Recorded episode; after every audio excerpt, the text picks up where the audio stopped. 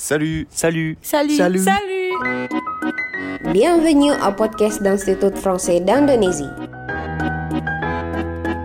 Semua yang kamu mau tahu tentang Prancis, kita obrolin di sini.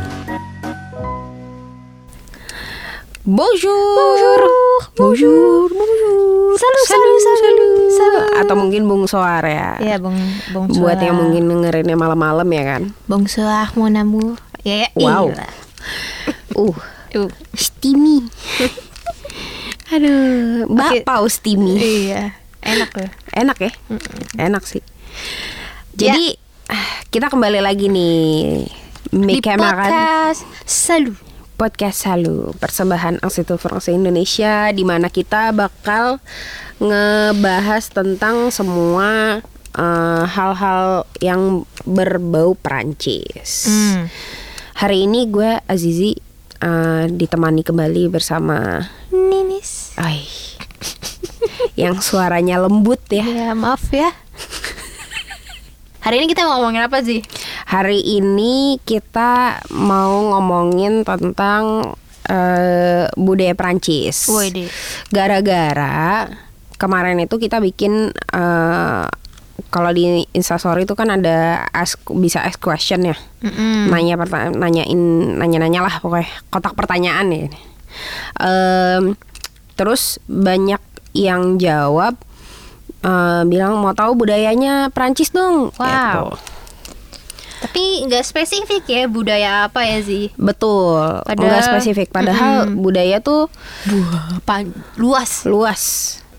Ya, Kayak ngomongin seni, bisa. musik. Bisa. Ini seni aja udah ini ya, Wah. seni aja udah banyak juga gitu kan. Ada musik, ada seni rupa, ada seni Pertunjukan. uh, pertunjukan, Mm-mm. ada apalagi ada istiadat, tradisi itu juga termasuk di dalamnya ada budaya juga gitu. Nah, jadi kayaknya karena turunannya banyak, bisa jadi kita ngomongin ini dalam beberapa episode kali ya Zia. Iya, kayaknya sih lebih baik kayak gitu ya. Soalnya kalau misalnya kita bahas di sini semua, Waduh. begadang nih di kantor. Enggak, kasihan juga nih kuping kalian Iya, nih. panas dengerin ntar. suara saya. Kalau dengerin khusus ya. headset Bluetooth ya kan, namanya Oh, iya. berapa kali ngecharge ya Oh, kan. betul banget. Nah, jadi Nah. terus terus gimana? Kalau ngomongin budaya Prancis nih Zi, Mm-mm, kita mulai dari apa sih kalau hulu hulunya hulunya hulunya mm-mm. dari sejarahnya lah. Oke. Prancis kan emang terkenal sebagai negara yang budayanya tuh mendunia sih. Betul. Mm. Dan salah satu yang terkenal itu dia budaya tingkat tinggi. Budaya tingkat tinggi ya. Mm-mm. Haute culture. Oh, bukan haute couture, tapi haute culture ya. Iya, Ya, uh-uh. Oke. So di haute culture ini ada haute cuisine, ada haute couture. Oh, oke. mm-mm. Nah, kalau yang buat belum tahu, eh kayak kalau haute couture sama haute cuisine, haute couture mungkin lebih sering didengar kali ya. Eh itu adalah fashion Istilah istilah dalam fashion ya. yang mana itu ad- gimana ya bilangnya ya? Jadi baju itu dibuat semuanya pakai tangan nggak ada Betul. mesin sama sekali dan Mm-mm. bahannya itu bahan yang yang berkualitas, ya berkualitas tinggi, me- merayakan craftsmanship. Wes. itu Ya. memang tuh. Mantap tuh gitu memang. Ibarat kata ada bulu ya kan itu bulunya dijahit satu-satu gitu di Iya, bajunya gila, gitu. emang. Jadi emang biasanya Gimana satu penjahit ya satu baju. bulu gitu. Iya. Makanya harganya tuh bener. mahal banget tuh. Heeh. Itu Haute yang couture. sering kita lihat koleksinya di Fashion Week Fashion Week gitu ya. Mm-mm, betul, betul betul. Terus kalau eh, kalau haute cuisine mungkin yang jarang kedengeran itu sebenarnya fine dining Betul. gitu. Haute cuisine tuh fine dining. Kenapa fine dining juga jadi mahal banget ya karena itu ya merayakan craftsmanship gitu. Iya, jadi emang pas Setiap- zaman kapan Uh-uh. itu chefnya Prancis tuh emang bikin bi- apa namanya? Kenapa dibuat dinamakan haute cuisine itu karena tekniknya itu berbeda dari teknik yang waktu zaman itu ada. Mm. Jadi emang lebih prosesnya lebih lama, lebih telaten gitu loh. Mm-mm. Di di apa ditata. Makanan pun lebih nikmat ya Mm, pasti iya, rasanya. Kalau gua nggak salah inget tuh pas zamannya Catherine Medici. Catherine de Medici. Mm-mm. Itu Itu siapa itu? itu? Itu ratu Prancis cuy. Oh, mohon maaf ya, sejarah gue jelek cuy. Iya, dan pas zaman itu pertama kalinya memakai enggak deng, pokoknya sendok garpu kalau nggak salah. Sendok yang banyak itu loh. Iya, yang buat Sendok sup beda sama sendok, sendok nasi goreng neneng, gitu iya. kan. Padahal nggak nasi goreng cuy Di hotkizin iya, iya.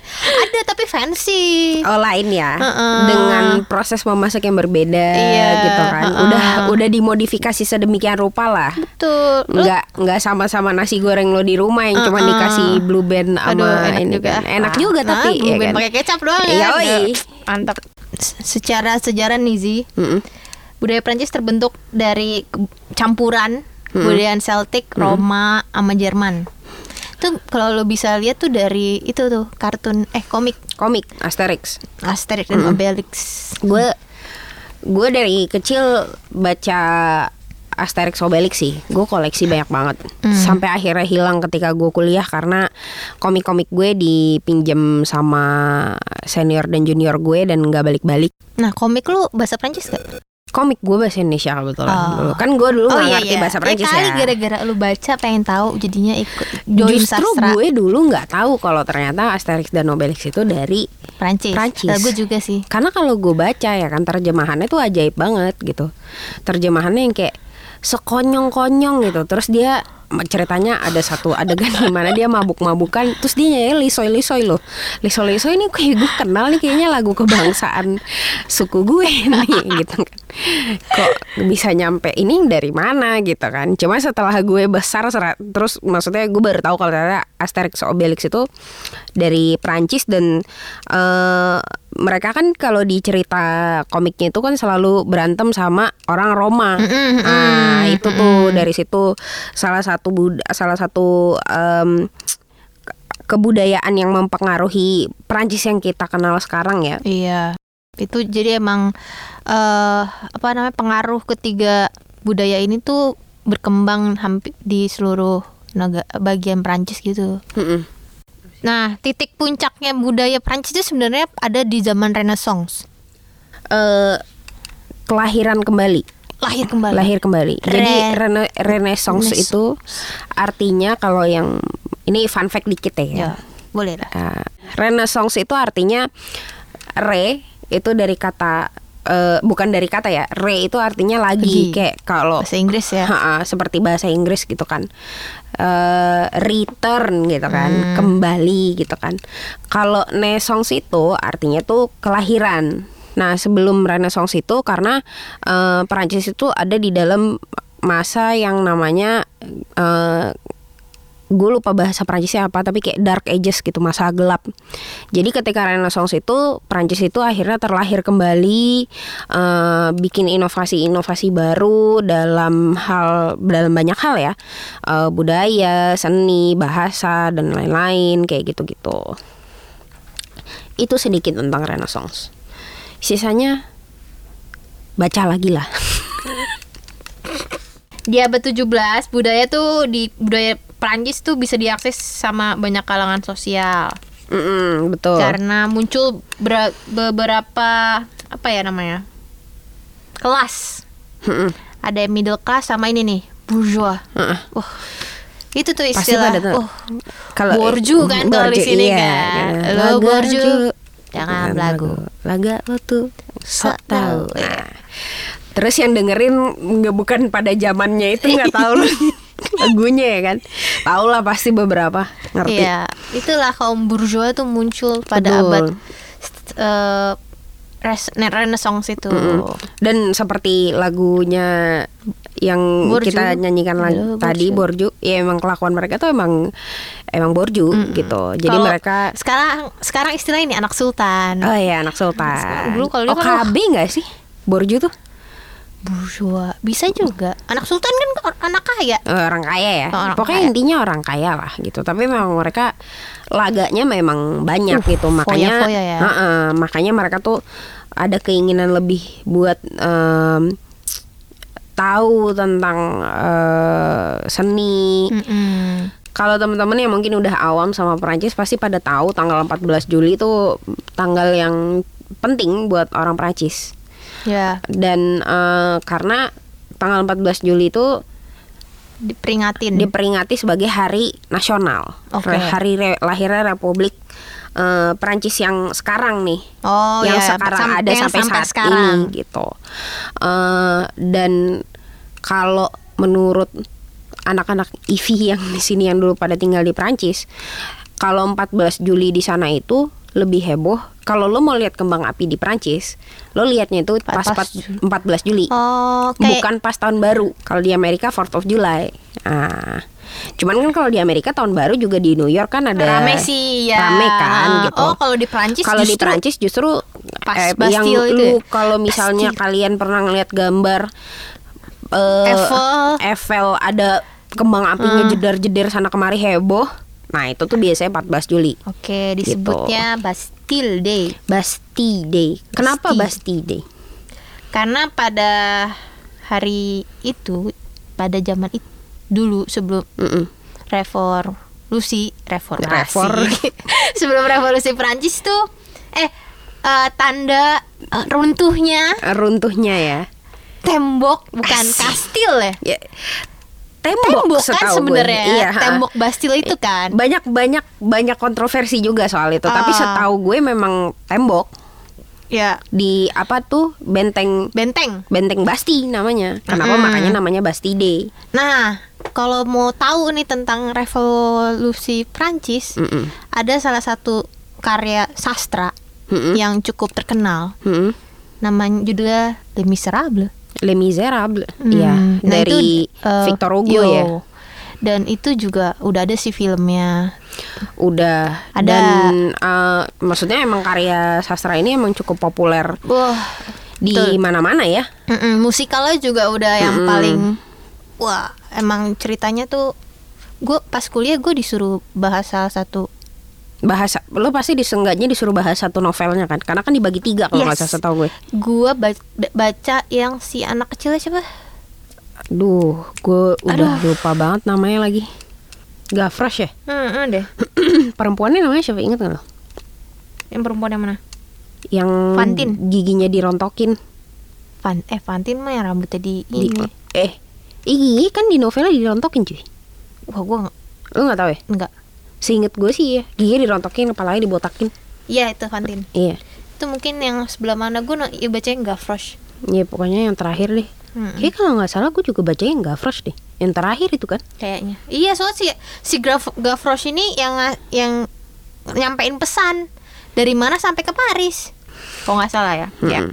jadi Kalau ya. salah mah ya, Ya udahlah. ya udah ampuni kita lah guys, gitu kan? ya jadi pokoknya kalau yang mau tahu revolusi Perancis tuh boleh tuh cara mudahnya tuh sebenarnya nonton film itu atau ya baca, baca bukunya, bukunya, gitu. Mm-mm. Lagi pula kalaupun misalnya lo nggak bisa bahasa Perancis, udah banyak sih ininya eh, terjemahannya juga. iya betul Gitu. jadi sekarang kalau denger ada tokoh namanya Jean Valjean nah itu itu itu tokoh yang ada di Iya. Eh, lu udah nonton tapi Udah. filmnya Wah udah sering di sering banget. Wah lu sering suka? suka gue Oh. Kalau gue karena gue suka yang versi versi yang operanya. Eh bukan opera, musikal ya. Ada tuh. Eh, bukan yang ada Anne Hathaway-nya ya? enggak, ini yang versi itu yang film Iya. yang dua jam lebih itu. Heeh. Ada juga yang eh, jadi dia dibikin filmnya itu jadi kayak live musical ya. Sebenarnya bukan bukan live concert sih lebih live concert. Eh, ulang tahun keberapanya Les Miserables gitu. Berarti perayaan Perayaan. Berarti kan Iya. dirayakan saking saking ikoniknya ini. betul. si kisah ini. Nah, lagi ngomongin Victor Hugo, berarti kita lanjut aja nih ke sastra sama Yo yo. pemikiran. Mantap. Sastra dan filsafat Prancis ini sangat memberi dampak besar secara internasional, ya kan ya. Betul.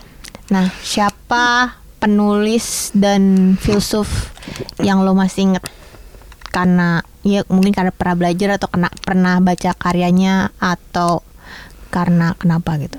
Filsuf yang paling gue tahu eh, Albert Camus sih. Oh, Kalau gue filsuf yang paling gue ingat. kenapa? Karena gue cukup ingat. Gue nggak mau bilang gue sangat ingat ya. Gue yang maksudnya yang membekas di otak gue. Set. Takutnya nanti gue salah guys. Iya. Maaf guys, Ha-ha. kita masih udah lama guys. Yoi, udah agak beda isi, udah gitu. Apa tuh karya kamu yang Eh, karya kamu yang paling gue ingat tuh karena gue dulu waktu itu pernah kalau nggak salah ujian buat jadi bahan ujian apa bahan presentasi gitu eh cerita tentang si Sisyphus Oh. yang mendorong batu. Jadi dia tugasnya di dunia hanya ini ada tanjakan. Ada batu nih gede. Sisyphus si Sisyphus ini mendorong batu sampai ke atas. Tapi habis itu batunya jatuh lagi ke bawah. Wah, itu ya gue juga baca tuh. Dorong lagi, Mm-mm. jatuh lagi, Mm. dorong lagi, jatuh lagi. Gitu aja gitu terus. aja terus dia sumur hidupnya gitu. Kalau gue sih dari karyanya Sisyphus, kalau gue yang yang gue inget ya, atau mungkin ini juga interpretasi pribadi gue gitu. Si Sisyphus akhirnya maksudnya menerima ibaratnya eh, takdirnya dia bahwa tugas dia di dunia ini memang Mendorong mendorong, batu. batu. ini walaupun batu ini jatuh lagi ke bawah. Mm-mm. Ya udah gitu. Jadi dia menemukan eksistensi dirinya lah di Ya. dalam pekerjaan mendorong batu itu gitu. Kalau Ya, emang yang si- mungkin buat orang lain itu suatu pekerjaan yang sia-sia. Nah itu, setahu gue juga Albert Camus itu selain pemikiran tentang eksistensialisme itu juga nihilisme dan absurdisme. Absurdisme. Me. Heeh. Nah kalau absurdisme ini gue tahu di karyanya yang judulnya Étranger, L'étranger Mm-mm. atau orang, Orang asing. asing. Itu udah ada uh, Terjemahannya. terjemahannya tuh boleh dibaca tuh. Kalau baca si novelnya itu kayak ini gimana sih gitu udah tar Betul. aja. Terus endingnya endingnya terus kayak uh, ah Kok gini? Kok gini sih? Iya. Itu waktu itu pas dibahas di kelas kayak oh ternyata emang absurd. cuy. Iya gitu. Jadi jangan berharap kalau lo mungkin biasanya baca film atau baca, film. Eng eng. Kalau lo mungkin biasanya baca novel atau baca buku ada alur itu kan ada dari A ke B akhirnya final final destination Mm-mm. u- tujuan utama gitu kan satu tuh ada tujuan akhir nah kalau ini i gitu aja Gitu aja udah. Absurd Absurd ya. Albert Gitu. kamu itu absurd emang. Gue ingat salah satu filsuf Perancis wanita, cuy. Ini gue pas masuk kelasnya kayak wah ini cewek oke banget nih. Simone de Beauvoir. oh Kekasihnya eh, Jean-Paul Sartre. Silahkan di Bokin ya, bokin oh, ya. iya. Silahkan kalian cari di Google itu kisah mereka tuh dua-duanya orang pintar, Hmm. dua-duanya filsafat dan Bener. cara pikir mereka tuh luar biasa. Pusing. bukan luar biasa indah ya luar biasa pusing Kayak kok bisa gitu? Ha-ha. Bukan kok bisa. he- Ya emang kok bisa sih. Hmm. Mm-mm. Itu perlu kalian tahu. Jadi udah dapet kan tuh Albert Camus, S- eh, Simone de Beauvoir, mm-mm. Jean-Paul Sartre. Sartre. Terus ada lagi tuh, kalau ngomongin eksistensialisme itu sebenarnya ada tuh bapaknya. si ini Rene Descartes Nah, Iya itu yang punya yang punya yang jargonnya terkenal banget itu loh. Iya. Je pense donc je suis. Artinya kak, Artinya karena saya berpikir maka saya ada. eh, bahasa lainnya kak. Cogito ergo sum. Mantap. Mau versi apa lagi Arab? Trebia. Nggak bisa. Mm, I think therefore I am. Betul bahasa Inggrisnya. Nah itu mulai abad 20 nih 1900-an ke atas. Kalau tadi kan emang orang Prancis asli. Ada nih salah satu apa dia penulis penulis naskah yang terkenal banget cuy naskahnya Ang Atong dia? Gado Godo Heeh. itu yang nulis namanya Samuel Beckett dia tuh sebenarnya bukan orang Prancis Dia orang namanya kayak orang Amerika. Dia orang Irish Irlandia, tapi tinggalnya di Prancis. Dan yang karya terkenal itu, yang bahasa Prancis itu, Mm-mm. Ang Atong Denggodo dan udah banyak banget di di, di dibuat ulang di Mm-mm. teater ya, terutama. Dan emang sebenarnya Jadi, jadi nah malah jadi produk budaya Prancis emang. Bener banget dan itu yang jadi salah satu keragaman karya sastra Perancis itu lu akan sering menemukan banyak karya sastra frankofon. Ah, itu boleh juga Jadi tuh. Orangnya Benar-benar. bukan orang asli Prancis gitu dia bisa jadi orang eh, apa Cote d'Ivoire eh, Pantai Gading Hmm. atau misalnya dia orang Vietnam Mm-mm. dia keturunan Vietnam gue inget banget soalnya skripsi gue tuh yang bikin itu orang keturunan Vietnam tapi dia udah tinggal di Prancis Hmm. namanya Mintra Hui kalau lu baca karya sastra Prancis tuh beragam cuy sebenarnya Mau yang Gitu. mana yang mau di Prancisnya Mm-mm, atau di Francophone? betul Negara-negara gitu. Francophone. dan Jadi negara Frankofon tuh banyak Betul. gitu Jadi kalau membaca itu kan tadi ada tuh yang yang le- legenda-legendanya udah kita sebut tuh beberapa doang sih. Iya, kalau lo banyak. mau tahu ya Google lah. Google aja nih gua Ah. gua ada nama nama yang mungkin lu juga inget Ha-ha. Honoré de Balzac. Oh iya, Tuh, novelis tuh. gue dulu punya dapat poster gratis. em, bukan puisi itu ada jadi pokoknya satu surat yang ditulis sama Honoré de Balzac dan itu jadi itu salah satu karya sastra cukup terkenal. Itu sebenarnya surat, Hmm. tapi itu karya terkenal. Coba ya. Terus ada Emile Zola. Betul. Pasti ya Victor Hugo tadi udah. Voltaire. Nah, si Voltaire ini dibilang bapak new media anjay. Soalnya dia emang munculnya ketika eh, Prancis tuh mulai ada ini medium baru itu printed coy cetak. Mm. Jadi dia benar-benar make pamflet eh, di surat kabar. Hmm. Tuh si Voltaire ini. Jadi lebih Mm-mm. ke yang modern-modern lah ya. Katanya kalau Voltaire masih ada zaman sekarang tuh dia yang bakal melaunching banyak platform media baru gitu karena anaknya kreatif Emerging ya. emerging Asik. nah kalau mau baca Voltaire itu yang gue baca juga ada novel judulnya Candid Candid itu yang paling terkenal ya katanya. iya cukup terkenal Nah, Nis, tadi kan kita udah bahas em, karya sastra nih. yo Ini kan abis ini pasti pada teriak-teriak biasanya. Apa? Terus kalau misalnya gue mau baca karyanya di mana? oh iya Gitu. dulu susah pas nih dapet- kuliah bingung cuy Iya, da- susah nih dapat buku Perancis katanya Mm-mm. gitu kan. di mana tuh Lu bisa baca di Culture Tech lah. wih itu punyanya IF ya Yoi, perpustakaan digital. mantap gitu. Eh, tautannya apa tuh Eh, www.culturetech.com tulisannya gimana tuh kak C U L T U R E. T H E Q U E. Emang ya itu kul- kultur tech gitu. Kultur gue tech gitu. Kultur kayak bahasa Ya, Inggris. technya itu biasanya T H E Q U E Nah bisa tuh kalau yang mau belajar filsafat cari aja tuh buku-buku itu. Betul. Atau ya kalau mau baca-baca romance-romance pada zamannya boleh tuh Victor Hugo, Emile Zola tuh Hmm. romantis semua tuh. Cocok. Cocok. Itu. Eh, dan online pastinya. Online ya? jadi lo tetap bisa baca di rumah lo nggak perlu datang ke IVI Dan gak bajakan lagi kan? Enggak Wah itu itu perlu itu tuh. penting. Itu anti bajakan guys. Iya guys. Ada yang benernya kenapa harus yang bajakan? Betul. Gratis pula. Yoi. Betul. Kalau pandemi udah selesai bisa datang ke Mediatek IVI Iya Lah. situ juga bukunya banyak banget. Oke. Udah sampai di sini aja. Gue Ninis gue Azizi. À la semaine prochaine oh podcast salut. Yeah